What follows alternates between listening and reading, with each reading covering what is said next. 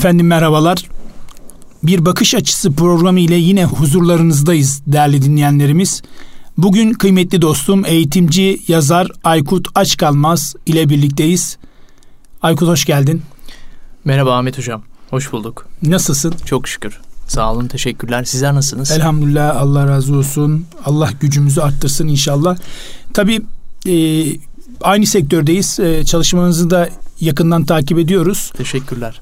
Pandemi sürecinde biz zihin haritaları tekniklerine tabii gireceğiz. Hafıza tekniklerine gireceğiz inşallah. Ancak pandemi sürecinde velilerimiz e, hangi sıkıntılarla size geldiler?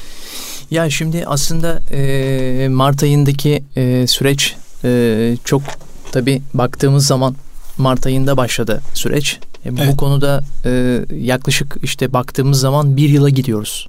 Bir yıl sürecinde ben en çok aslında bu konuda e, velilerin e, ihtiyacı olduğunu yani bir takım e, yönlendirmelere, yöntemlere ihtiyacı olduğunu düşünüyorum. Neden? Çünkü biz de veliyiz. Biz de biliyoruz yani sistemin içinden yani benim de işte iki tane kızım var. Ben de e, Maşallah. 6. sınıfta işte bir tanesi. Gerçekten e, bu dönemde öyle bir e, süreç ilerledi ki bence yani bu velilerin hem velilerin bakış açısı hem öğretmenlerin bakış açısı hem de öğrencilerin bakış açısı gerçekten farklı. Bu bakış açılarını böyle ortak bir noktada toplayabilmek için nelere ihtiyacımız var? Yani yöntemlere ihtiyacımız var. Aslında bu yöntemleri bildiğimizde bunların hepsini ortak noktada toplayabiliyoruz. Bence en önemli konulardan bir tanesi e, ilk önce verilerden başlamak lazım.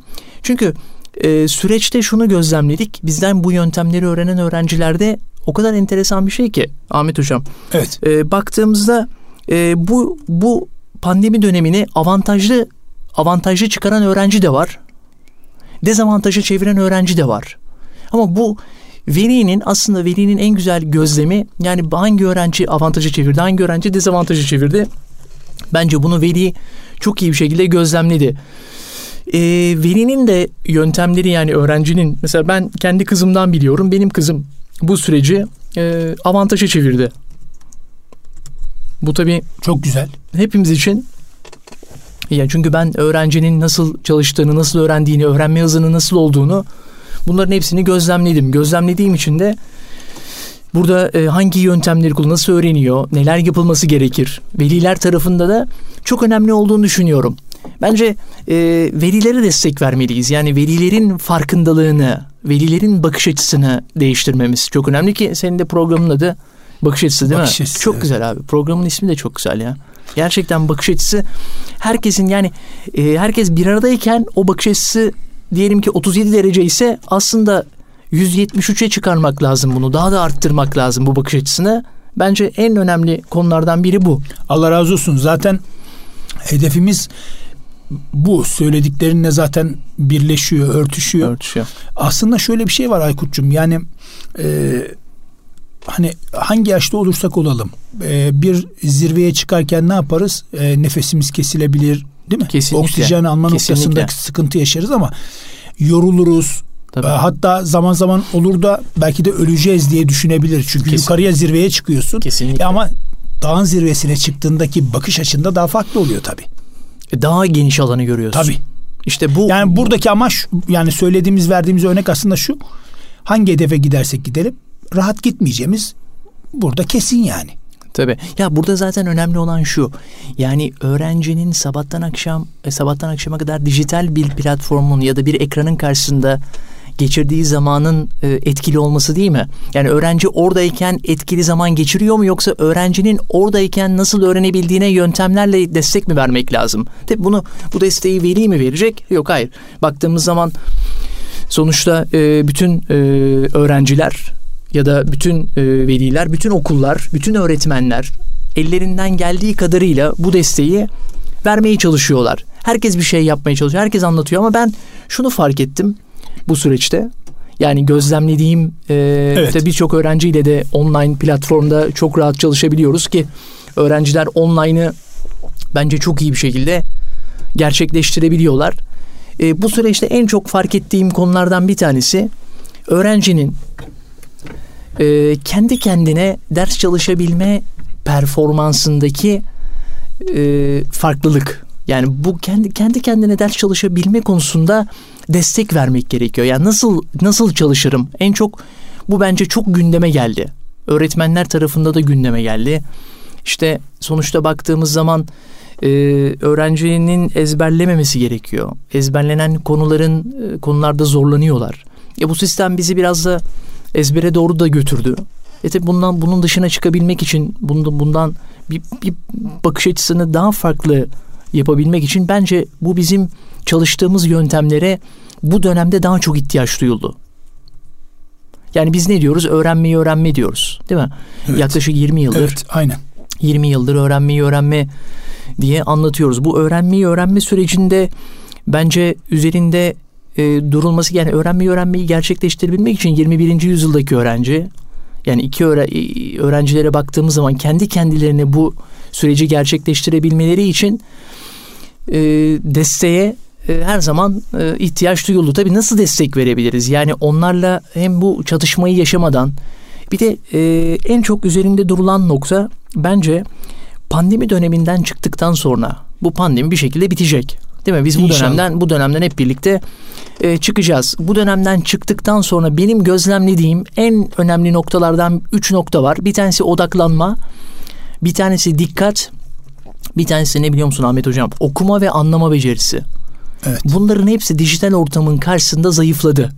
Biz bu dijital ortamın karşısında zayıflayan bu becerilerimizi tekrar geri kazanmak için bu dönemi kaybetmemek adına yüz yüze de bunları e, öğrencilere tekrar sunmamız gerekiyor. Ekran bağımlılığı da has safhaya ulaştı tabii. Ya şöyle ekran tabii ekran bağımlılığı ama yani öğrenci de bilgisayarın karşısında yani bu bilgisayarın karşısındaki o ekran yani ekran bağımlılığını e, pozitife çevirebilir miyiz? Tabii bu mümkün değil. Yani doğru oyunları seçmesi, öğrenciyi takip etmek, öğrencinin takip sistemini kurmak yani bu takip de çok yorucu bir şey takip. Hani Bilhassa öğretmen... öğretmenlerimizin yerine geçen annelerimizin sorumlulukları arttığı için ya Kesinlikle. şimdi e, evde kaç tane çocuk var? Evde annenin kendi has e, kendine has sorumlulukları işleri, var. Işleri de var. E, bir de çocuklarla şimdi online derse giriyor mu girmiyor Kesinlikle. mu? Acaba derse giriyor da ödevlerini yapıyor mu yapmıyor mu? Şimdi kontrol işte takip zaten, mekanizma sistemi de. Zaten Ahmetciğim takip etmekten ziyade biz e, eğitim sisteminde ölçme değerlendirmenin ucunu kaçırdık. Yani ölçme değerlendirmeyi yapamıyoruz ki. Evet. Şimdi ölçme değerlendirmenin olmadığını bilen bir öğrencinin bakış açısıyla ölçme değerlendirmenin olduğunu bilen bir öğrencinin bakış açısı aynı mıydı? Mümkün değil. Yani öğrenci o ölçme değer zaten bizim yaptığımız eğitimlerde de öyle değil mi? Ölçme değerlendirmesini yapmadığımız bir eğitime davranışa dönüştüremiyoruz. Bununla ilgili bir araştırma var. Bir ondan bahsetmek istiyorum ben. Çok önemli buyur. Aslında velilerimizin de belki bu noktada bakış açısını yani şöyle e, değiştirir. Yani her çocuğun e, zihinsel tipolojisi farklı ya. Yani parmak izi de farklı. Değil Tabii. mi? Parmak izi farklı olduğu için öğrenme hızı da farklı. Bu konuda yapılan bir araştırma var. Ben onu paylaşayım. 2001 yılında yapılmış. 2001 yılında yani bu e, aslında bizim yani kuşak diyoruz ya hani ben çok da böyle isim vermek istemiyorum şu kuşağı bu kuşağı diye sonuç olarak yani hepimizin e, bulunduğu bir dönem var yani o döneme evet. göre değerlendirmek Hı-hı. lazım bence. E, 85 sonra sen de çok iyi bilirsin. Yani senin de etrafında hep gençler var. Gençlerle çalışıyorsun ve gençlerle çalışmamız da bizim hayal gücümüzü ne kadar kuvvetli kılmıyor mu? Bak gençlerle çalıştığımız için yıllar geçse de yaşlanmadık. Genç kalıyoruz. Zaten herkes soruyor hocam nasıl böyle dinamiksiz evet diye diyorum Bak, ki gençlerle çalışıyoruz. Sana da sana da baktığım zaman ben yani o gördüğüm 20 yaşındaki Ahmet'i hala görüyorum. Tabii tabii. Ben yaşlanmış mıyım? Yok değil. E tamam abi işte bak görüyorsun. Yani bu öğrencilerle çalışmamın en, çalışma bence çok önemli enerjisi bu. Araştırmadan bahsedeyim mi hemen? Tabii çok. Önemli. Araştırma şöyle bence velilere çok ışık tutacak bir araştırma bu. Hı hı. Şimdi 1985 sonrası 85 doğum sonrası 85'leri e, baz alıyoruz. Bir de biz 85 öncesi. Ya biz kaçlıyız işte sen kaçlısın şu anda? Ben 80'liyim. Sen 80'lisin. Ben işte 77'liyim. 85 sonrası. Evet. Bir de 85 öncesi. Biz 85 öncesi oluyoruz. Şimdi bize bu literatürde geçiyor. Literatürde geçen bilimsel bir veri. Bize deniyor ki dijital ya ne kadar e, doğrudur ne kadar yanlıştır sonuç olarak gözlemlemişler. Bu gözlemden biz ilham alıyoruz. Biz 85 öncesinde bizim kuşağa dijital göçmenler deniyor. Dijital göçmenler. 85 sonrası ise kim 85 sonrası mesela? Kim olabilir? İşte benim aklıma hemen senin e, kardeş geliyor. E, yani bizden sonraki nesil evet kardeşim evet. bizden sonraki nesil. Değil mi? Evet Öyle baktığın zaman bizim çalıştığımız öğrenciler onlar da baktığımızda dijital e, yerliler diye geçiyor. Hiç bu araştırmayı bir yerde denk geldin mi? Dijital yerliler ve dijital göçmenler. O kadar enteresan ki yani dijital yerli cep telefonunun içine doğmuş. Bizde nasıldı? Biz 95 yılında kendi cep telefonunu daha tanıştık değil mi? Cep telefonunu tanıştık. Yani bu çok önemli. Tabii o, tabii.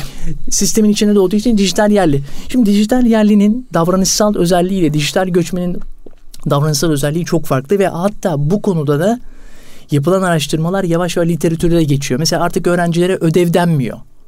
Ne deniyor öğrenciye? Performans ödevi denmiyor. Performans görevi deniyor. Yani ödev kelimesi dijital göçmen, dijital yerli ödev kelimesine dayanamıyor. Hoşlanmıyor. Hoşlanmıyor. Bir anda böyle saçları diken oluyor. Ödev diye bir şey söylememen gerekiyor. Ne söylemen gerekiyor? Görev. Görev biraz daha sorumluluk vermiyor mu? Daha böyle yumuşatıyor galiba. O zaman bizim bu konuda bence dil kalıplarımızı da dil kalıplarımızı da değiştirmemiz lazım ve dil kalıplarımız konusunda da bence velilere destek vermek gerekiyor. Yani doğru soru sorabilme öğrenciye. Yani öğren bir öğrenciye performans ödevini yaptın mı sorusuyla performans görevini yerine getirdin mi bence öğrencinin e, ebeveynlere karşı olan bakış açısını mutlaka değiştirir diye düşünüyorum. Evet. Tabii pandemi süreci ciddi anlamda etkiledi. Hem velilerimizi etkiledi, öğretmenlerimizi etkiledi. Dün ya, online e, Karabük'teki bir ortaokulla motivasyon çalışması Harika. yaptık. Evet. Orada senin çalışmaların da o konuda çok güzel gidiyor. Çok yani. teşekkür ediyorum. Çok naziksin Aykut. Ee, yani müdür bey diyor ki biz okulu çok özledik. ya evden bağlantı kurduk ama evet. herkes evi çok özledi. Anne babalar daha çok özledi tabii. E, tabii. Çünkü bu süreci yönetmek çok zor. Ahmet. Yani şimdi tabii. tamam çocuğunu seviyorsun. Oğlunu seviyorsun, kızını seviyorsun ama hiç böyle 24 saat dip dibe kalmadık. yani hafta içi hadi bir nebze kalıyorsun. Tabii tabii. Ama hafta tabii, sonu şimdi tabii. bu akşam saat 9'da başlıyor. Tabii. Tabii. İşte bunu bence avantaja çevirmek lazım ya. Yani hiç çocuğun... Pardon e, bu akşam diyorum. Yani He, evet. Yani yarın evet. e, cuma günü. Evet, e, evet. Cuma günü e, saat 9'dan başlayacak. E, pazar günü hatta pazartesi sabah işte 5'e kadar ya da 6'da başlayacak. Yani bir iki gün, iki buçuk günlük ciddi Tabii. anlamda bir sıkışma var. E, çocuklara da hak vermek lazım. Çünkü e, öğrenci kardeşlerimiz de dışarı çıkıp e, temiz hava almak istiyor, arkadaşlarıyla görüşmek istiyor. Tabii. Ben öğrencilerime söylüyorum, sorunu fırsata çevirenler kazançlı çıkacak. Yani pandemiyi mazeret olarak görmek, bahanelerin arkasına Tabii. sığınmak, işte pandemiden dolayı ders çalışamıyorum dersen o zaman sınavda alacağın nota Tabii. göz gereceksin. Tabii. Ama Aa bu pandemi ama bu bir vesile benim için. Evde kaldım. E fırsat, bunu fırsata fırsat. çevireyim. Evet, evet, Günde evet, 300 soru, evet, 500 evet, soru çözen evet. öğrenciler var. Üzerine biraz da kitap okursan yarım saat 45 Tabii. dakika hatta bir saat okuyan kardeşlerimiz var. Tabii. E bu ne olur biliyor musun? 6 ay sonraki sınava bomba gibi olursun. Bir şey söyleyeceğim. Ee, diyorlar ki e, evet bunların hepsini biliyoruz ama bunları davranışa dönüştürmek yani bunları sistemli olarak disipline etmek konusunda zorluk çekiyoruz diyorlar. Bu konuda destek almak istiyorlar. Bir de şöyle bir şey var yani bu şeye benziyor. Şimdi kendi kendine işte çok basit söyleyeyim. Kendi kendine harekete geçmek, spor yapmakla işte bir arkadaşınla bisiklete bindiğin zamanki harekete geçmen arasında nasıl bir fark varsa aslında akran dayanışması sistemini kurup yani biz şimdi dijitalde de öyle. Dijitalde, motivasyon. E, motivasyon Tabii. ama artık o kadar gelişti ki ben mesela evet. 8 öğrenciyle aynı anda aynı anda çalışma performansı gösterdiğimde onları akran dayanışmasından ikili ikili odalara gönderip haritalandırmalar yapmalarını istiyorum. Ve böyle olunca ne oluyor? Yani akran, da, akran dayanışmasında bence orada da çalışmadaki motivasyon var. Yani burada öğrenciler evde tek tek kaldılar ya sonuç olarak herkes odasında tek başına bu çalışmaları yapıyor. İşte bu çalışmaları tek başına yaptığı durumda da destek e, bence e, öğrenciye yani bizim bizim çalışmaların öğrenci tarafındaki yöntemi bilmesi, sistemi daha iyi bir şekilde e, yöne, yönetebilmesini sağladı. Daha, daha doğrusu şöyle bilgi acayip akıyor ya bilgi çok akıyor. Yani o akan bilgiyi durduramıyorsun. Yani öğrenciye de bilgi akıyor. Ama etkinlik yaptırdığında öğrenci bilgiyi yönetmeye başlıyor. Etkinlik yaptırdığında. E, etkinlik yaptırmak için neye ihtiyaç var? Etkinlik yapabilmesi için kullanabilmesi gereken bir aracı olması lazım. İşte bizim yaptığımız öğrenmeyi öğrenmedeki işte yıllardır zihin haritaları yani bir şeyi haritalandırma ya da işte e, senin yaptığın gibi hızlı okuma eğitimleri, okuma ve anlama, doğru hafıza okuma teknikleri. Ve, evet, hafıza teknikleri. Yani bunların hepsi aslında birer e, araç, kaldıraç görevi görüyor. Kaldıraç görevi görüyor. Ve bunlara bence e, bu kaldıraç kaldıraç olayının hem ebeveyn farkına varması gerekiyor. Hem öğrenci. Hem öğrenci farkına varması gerekiyor. Şimdi az önce haritalama dedin. Ee, evet. Onu biraz açmak istiyorum. Çünkü bizi dinleyen e, kıymetli e, dinleyenlerimiz, velilerimiz, öğrenci kardeşlerimiz, evet. öğretmenlerimiz, anne ve babalarımız Güzel. var. E, haritadan kastımızı biraz Şöyle, açalım. Zihin haritalarını biraz açalım. Aslında, Nedir? Aslında haritadan kastımız şu çok basit güncel hayatımızdan anlatayım. Ben şimdi Buyur. işte buraya gelirken radyo program sen bana ne yaptın? Bir tane konum attın. Ben o konumu açtım Google Maps'ten. Çat diye geldim ama Google Maps bana diyor ki bak diyor istersen diyor e, Altunzade'den gidebilirsin diyor. İstersen şuradan gidebilirsin, istersen buradan. Bana bir alternatif yollar sunuyor ya. Bir harita döküyor önüme. E ben haritayla o kadar kolay geldim ki. Yani senin tarif etmenden ziyade harita beni buraya hızlı bir şekilde götürdü. Şimdi bilgiye ulaşmak için de bilginin e, bilgiye iyi bir şekilde ulaşabilmek için bilginin haritasını çıkarmak gerekiyor. Yani harita çıkardığında bir Google Maps görevi görüyor, bir Yandex görevi görüyor. Sana çok rahat bir şekilde yardımcı oluyor. Peki e, harita haritalandırmayı yapabilmek için bence bir öncesindeki kısım yine senin alana giriyoruz. Doğru okuma ve anlama var ya. Şimdi bir de şöyle literatürde şöyle bir kavram da var. Bence şu anda ilkokul öğrencileri mesela ebeveynler dikkat etsinler. İlkokul öğrencileri bu dönemde okuma performansları da düştükleri düştüğü için mekanik okuyorlar. Yani dura dura okuyorlar. Kelimeleri kelimeleri sonlarına doğru yuvarlıyorlar. Uzun kelimeleri okumakta zorluk çekiyorlar. Bu biz buna ne diyoruz? Mekanik okuma diyoruz. Peki bu mekanik okumayı mekanik okum, okumayı biz ne yapmamız lazım? Konuşur okuma haline getirebilmemiz evet. lazım. Öğrenciler mekanik okumayı konuşur okuma haline getirdiklerinde çıkardıkları haritaları daha kolay hatırlıyorlar.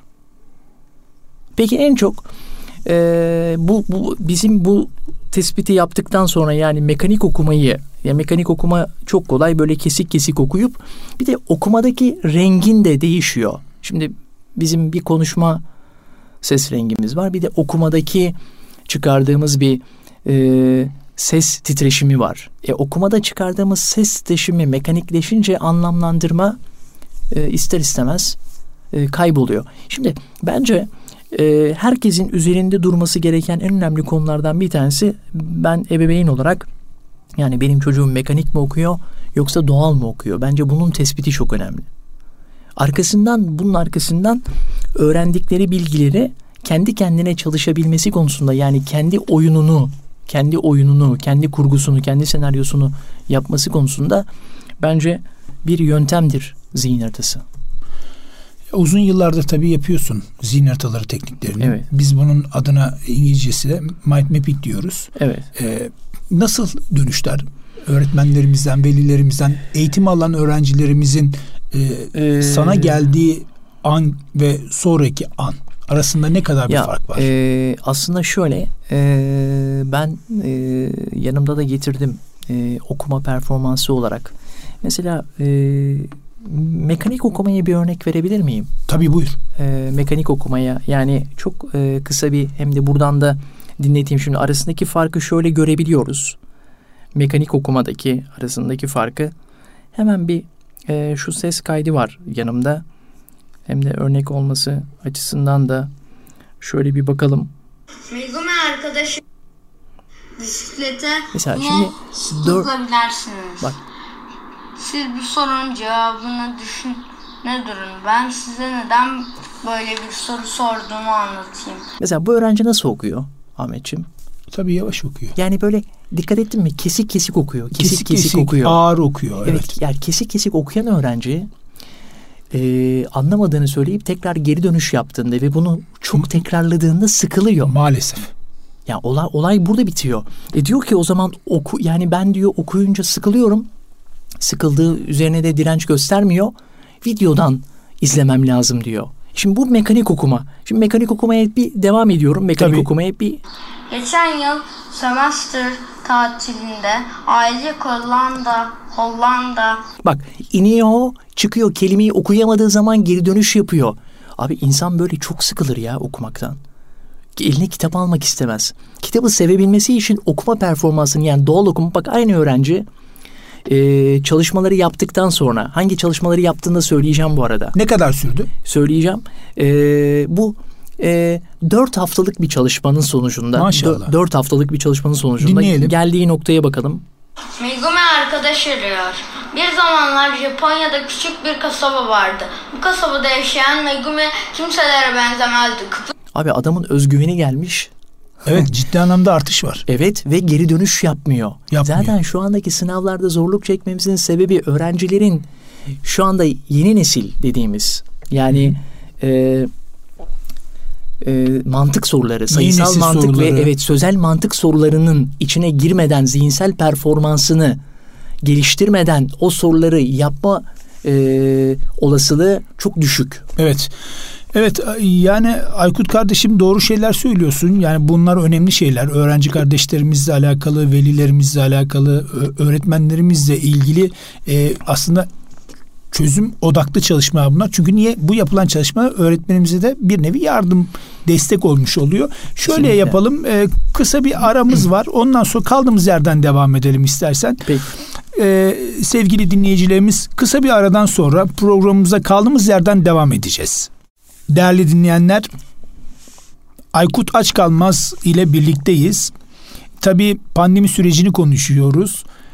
Pandemi sürecinde öğretmenlerimizin, velilerimizin ve öğrenci kardeşlerimizin sıkıntıları e, hepsi bir arada toplandığı için Aykut Açkalmaz kardeşimiz de gerek hafıza teknikleri gerekse zihin haritaları teknikleriyle yani mind mapping dediğimiz zihin haritaları teknikleriyle öğrencilerin motivasyonlarını, efendime söyleyeyim okuma oranlarını belli oranda yükselttiğini de görüyoruz. Zaten e, programda bunu değerlendiriyoruz ve konuşuyoruz.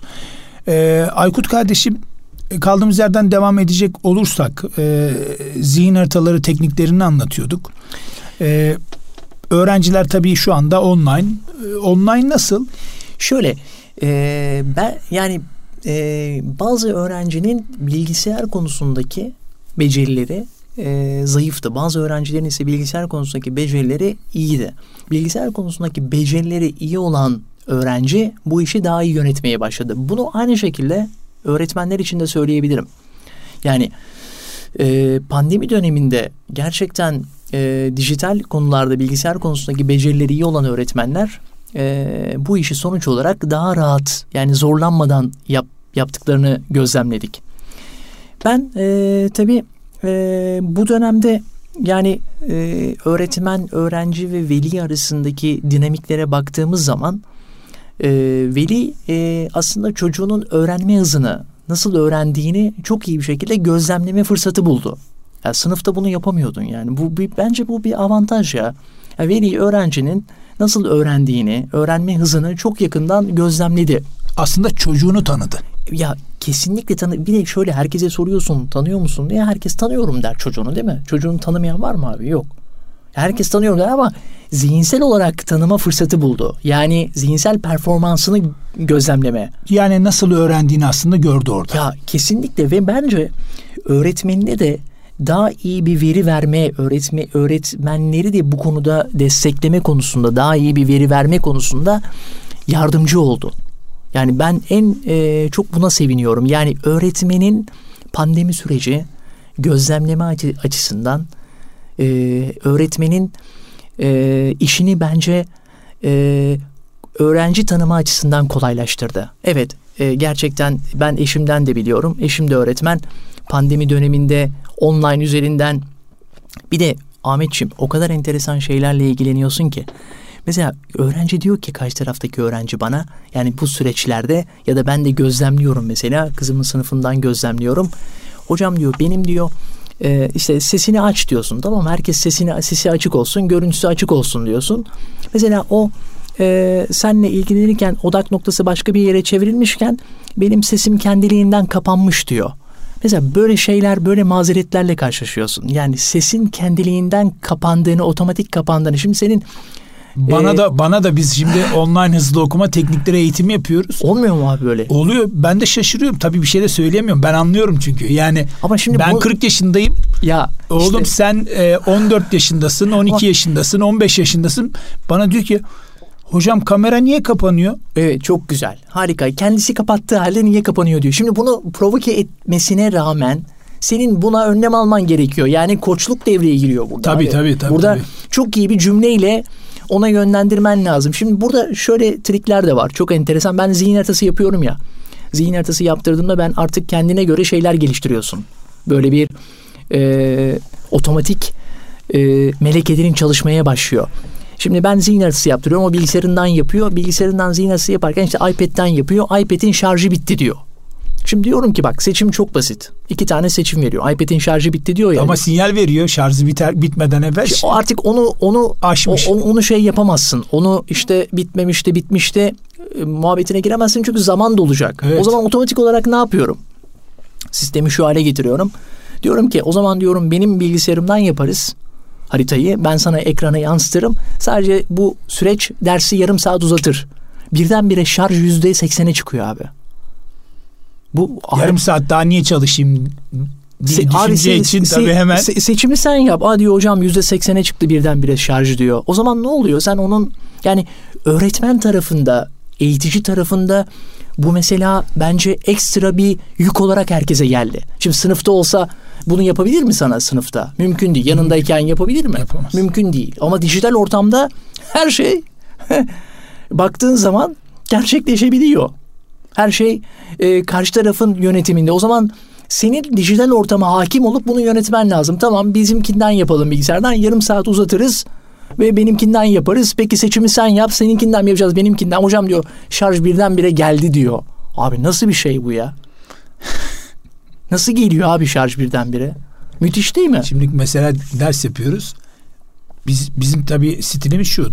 Ders yapıyorsak, benimle ders yapıyorsanız kameralar açık olacak. E, ya abi kamerası kamerası kamera... kamera kapalı olduğu zaman ne benim motivasyonum olur ne de ders anlatırken kime anlattığımı bilmem. Şimdi arada bir bazıların kameraları devamlı kapanıyor, açılıyor, kapanıyor, açılıyor belli yani. Bazen de sesi unutuyorlar. Adam orada yemek yiyor. Müthiş. Harika. E Ses ben, geliyor. Ben, ben... Şimdi ama şu var. Tamam yemek karnın acıktıysa tamam normaldir. Yani insansın ne de olsa ama ders sırasında olmaz o. Çünkü e, herkes o sesi duyuyor. Ne yapıyorsun? Otomatikman sen gidiyorsun. Onun sesini kapatıyorsun. E, sonra velisine durumu izah ediyorsun tatlı bir dille. Ama işte bu durumu bu durumu tatlı bir dille çok iyi yönetmek lazım bence. Tabii, tabii. Yani senin Hatta, öğrenciye söylediğin cümleler var ya. Tabii yani öğrenciyi dönüşü, bir anda bitirir tabii, tabii. ya da devam ettirir ya da abi. devam ettir. Ama şöyle mesela ben bunu öğrenciye söylemiyorum. Velisine, annesine evet. veya babasına tatlı bir lisanla söylüyorum. Yani dönüşü o kadar güzel oluyor ki veliden. Bundan sonraki süreçte diğer derslerde çaktırmadan kapıyı açıp çocuğa bakıyorlar. Hani ne yapıyor diye. Ben mesela ders sırasında şimdi kameralar açık. Biz orada ders yapıyoruz ders yapıyoruz ama başka bir başka bir ekran var onun yanında. Ben onu görmüyorum. Oradan başka şeyler izliyor. Tabii. Yani ya da oyun oynuyor. Ben bunu fark Hemen ne yapıyorum? Hemen konuyla ilgili soru soruyorum mesela. İşte aslında bizim vermiş olduğumuz eğitimler, bizim yapmış olduğumuz sistemin simülasyonu olduğu için yani hızlı okumada ne yapıyorsun?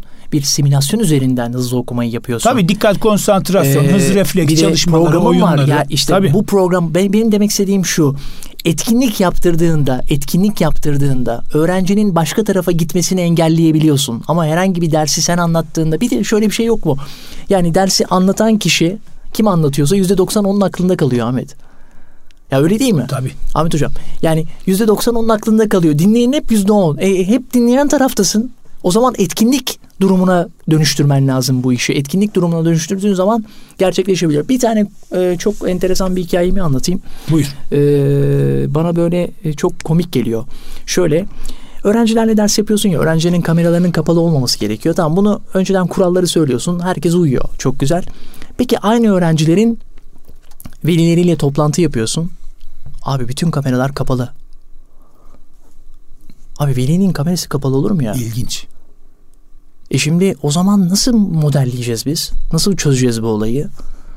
Yani velinin yani düşünsene e, şu anda e, bizim şu andaki görüntümüzü kapatalım birbirimize konuşuyoruz. Abi göz teması yok. Zaten dijital ortamın e, gerisindesin. E, bu sistemi e, bu şekilde yönetebilmek e, bence mümkün değil, mümkün, çok zor. Mümkün tabii, değil. Tabii. Mümkün değil. E, tamam avantajlı tarafları tarafları şu var. Eskiden okullardaki toplantılara veliler çok gitmezdi ya. Şimdi dijital toplantılar kalabalık oluyor.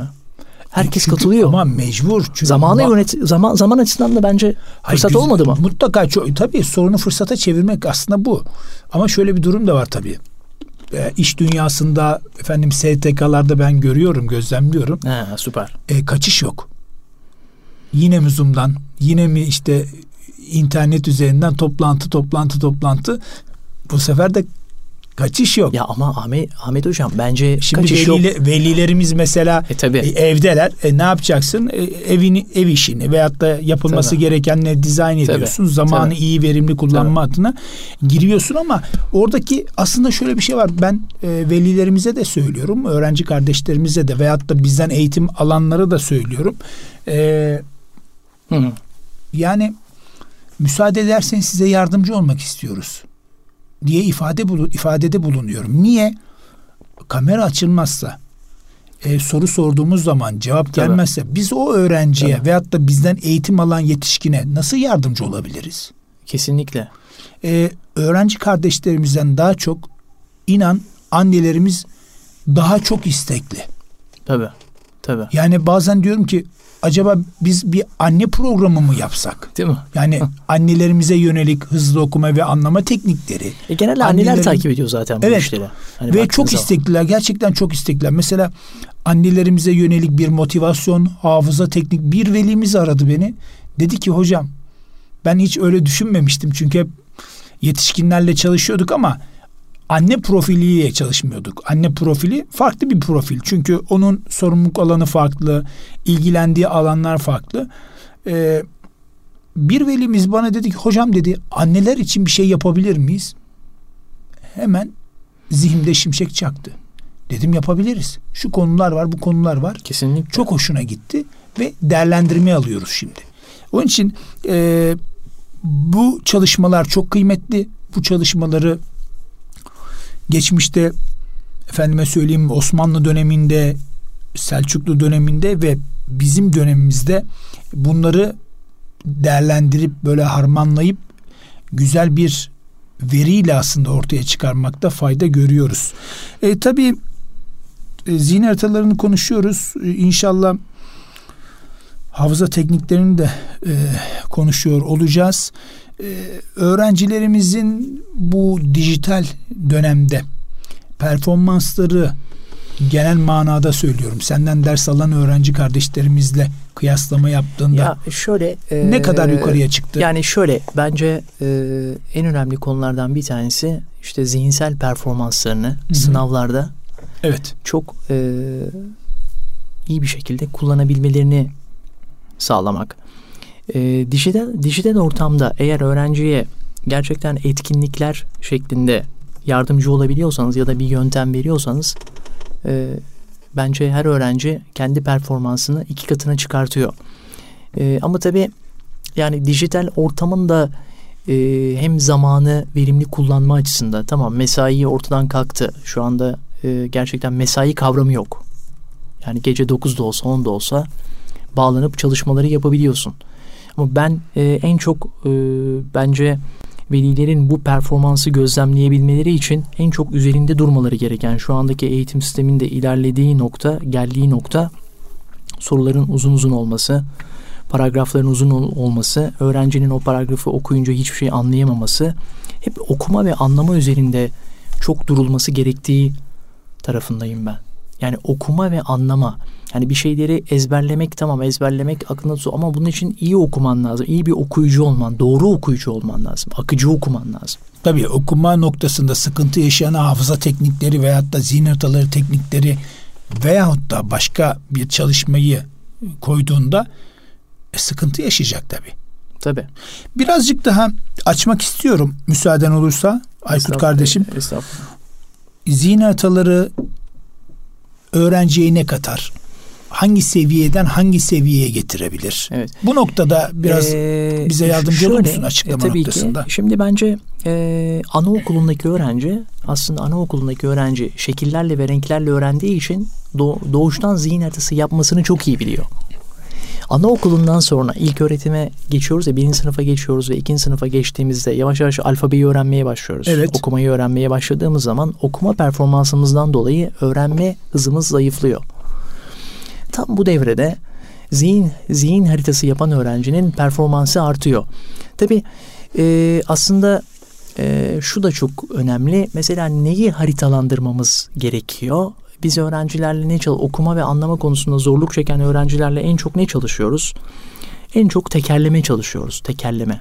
Tekerleme tekerleme okuyan öğrencinin tekerleme okuduktan sonraki okuma performansı artıyor. Peki biz öğrenciyle tekerlemeye çalışıyoruz, okuma performansını arttırıyor. Zihin haritası ne zaman devreye giriyor? O öğrendiği tekerlemeleri daha iyi bir şekilde kendi cümleleriyle tekrar edebilsin diye harita yapıyor kendi cümleleriyle tekrar edebilsin diye harita yapıyor. Evet. İşte burada e, bir de haritayı tabi yapabilmek için o kadar çok program var ki artık bir sürü programlar var. Dijital programlar var. Hem manuel yapabiliyorlar. İlk öğretimdeki öğrencilerin manuel yapması çok iyi. Ortaokula geçtikten sonraki e, dönemde artık Dijital. dijitalde yapıyorlar. Yani ortaokulda geçtikten sonra dijitalde yapmalarının sebebi şu aslında.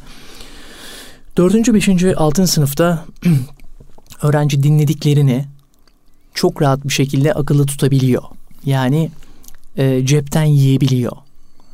7. 8. sınıfta oturup o konuyu pekiştirmesi gerekiyor. Çünkü sınav var. Evet abi pekiştirmesi gerekiyor, tekrar etmesi gerekiyor. Şu anda en büyük problem öğrenci pekiştirmek için zamanım yok diyor. 168 saat zaman var haftalık ve şu anda gitme gelme de yok. Okula gitme gelme de yok. Trafik sıkıntısı yok. Abi hiçbir şey yok. Sadece 168 saat zaman var ve öğrenciyle konuş şu anda 8. sınıf öğrencisine bağlan. O kadar yoğunum ki zamanım yok der. Halbuki zamanı doğru yönetebiliyor musun sorusuna cevap alamıyorsun. Ya da yapamıyorum diyor. Mesela çok yoğunum diyen öğrencilerimize soruyoruz. Şimdi 7. sınıf var, 8. sınıf var. Mesela klasik soru 8. sınıfta. Hani zamanım yok çalışıyorum. Kaç soru çözüyorsun? 150 soru. Ya 150 soru nedir? Zamanım yok diyen adamın benim kafamdaki hesabı şu olur. 500 soru. Kesinlikle. Çünkü zaten 5 ay kaldı. Haziran'ın ilk haftası. E sen 150 soru çözüyorsan nasıl zamanın yok? Bir de sence şöyle bir şey var. Ben şuna da takılmış durumdayım. Ee, artık öyle bir dönemdeyiz ki çok soru çözmek değil. Bak çok önemli burası. Tabii. Etkili soru çözmek çok evet, önemli. Evet, etkili ve verimli. Evet, çok, test çözme teknikleri. Çok çok çalışmak da önemli değil ki artık. Etkili çalışmak tabii, tabii. çok önemli kardeşim. Ya bu bun, bunları bunları bizim yapabilmemiz için bizim metot bilmemiz gerekiyor. Yani hangi metotları bilme, zaman yönetimi metodunu bilmen gerekiyor. Ya İslam tarihinde zaten baktığımızda başarılı olmuş insanlara, hatta günümüzde de var. Ee, Fuat Sezgin hocamız var. Allah rahmet eylesin. Almanya'ya gittiğinde e, bir Alman profesörün yanında asistanlık yaparken bir gün yanına davet ediyorlar. Diyor ki Fuat Hoca'ya, Fuat oğlum kaç saat çalışıyorsun? Fuat Hoca da o dönem 6 ila 8 saat. Çünkü Türkiye'den gitmiş. Yani Türk sistemi var. Alman ekolü, Alman sistemi hepimizin zaten bildiği bir sistem. Ee, uyguladığımız anlamda söylemiyorum. Biliyoruz ama uyguladığımız bir şey evet. değil. Hocam Fuat hocam diyor ki e, yani efendim 6 ila 8 saat arasında ve Alman profesör yumruğunu masaya vuruyor. Diyor ki 17-18 saat çalışmıyorsan bırak bu işi. Aykut kardeşim Müthiş. 24 saat var. Alman profesör 17-18 saatten bahsediyor. ve Şimdi ben öğrencilerime her zaman söylüyorum. Bizi dinleyen değerli velilerimize de söylüyorum. Lütfen sizler de çünkü sizler de sadece anne değilsiniz. Aslında öğretmensiniz ki pandemi sürecinde ciddi anlamda öğretmenle yer değiştirdiler.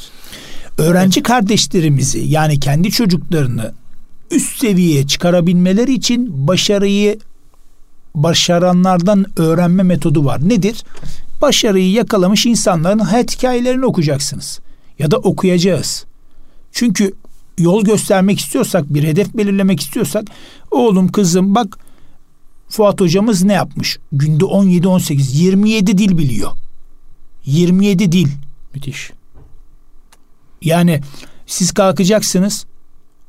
Bitlis'ten kalkacaksınız. Kendinizi belli bir noktada yetiştireceksiniz. Sonra Almanya'ya gideceksiniz ve İslam bilginleri üzerine, İslam tarihi üzerine ciddi çalışmalar yapacaksınız. 27 dil öğreneceksiniz ve yüzlerce binlerce makale, ansiklopedi yazacaksınız. Bu mümkün mü? Zaman yönetimini eğer iyi zaten şöyle bir şey var Aykut kardeşim. Yaklaşık bin yıllık bir altın çağ var. Bu altın çağa baktığımızda İslam dünyasında inanın zaman yönetimini çok iyi kullanan büyüklerimiz İbn Sina, İbn Arabi, Tabii. Tabii. Yani Endülüs'e baktığımızda, Selçuklu'ya baktığımızda, İslam tarihine baktığımızda, Peygamber Efendimiz sallallahu aleyhi ve sellemin zamanına baktığımızda ve Osmanlı dönemine baktığımızda ciddi şekilde çalışmalar var. Bu bir beceri yani. Tabii.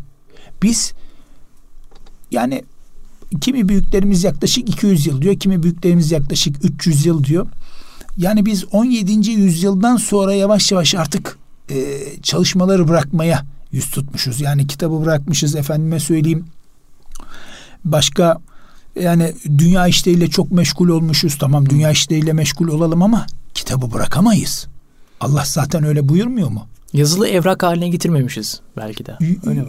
Yani öyle değil aslında. Yani o da var mevcut ama biz yavaş yavaş artık e, yani dünyevileşmişiz diyelim. Yani bir nevi. Çünkü e, buradaki kitaptan kastım Hı. tabii ki ilk e, kutsal kitabımız Kur'an-ı Kerim ve Kur'an-ı Kerim'in bize yol göstermiş olduğu o haritadan devam ederken diğer eserleri dünyada yazılmış olan eserleri de aslında araştırmamız ve geliştirmemiz gerekiyordu.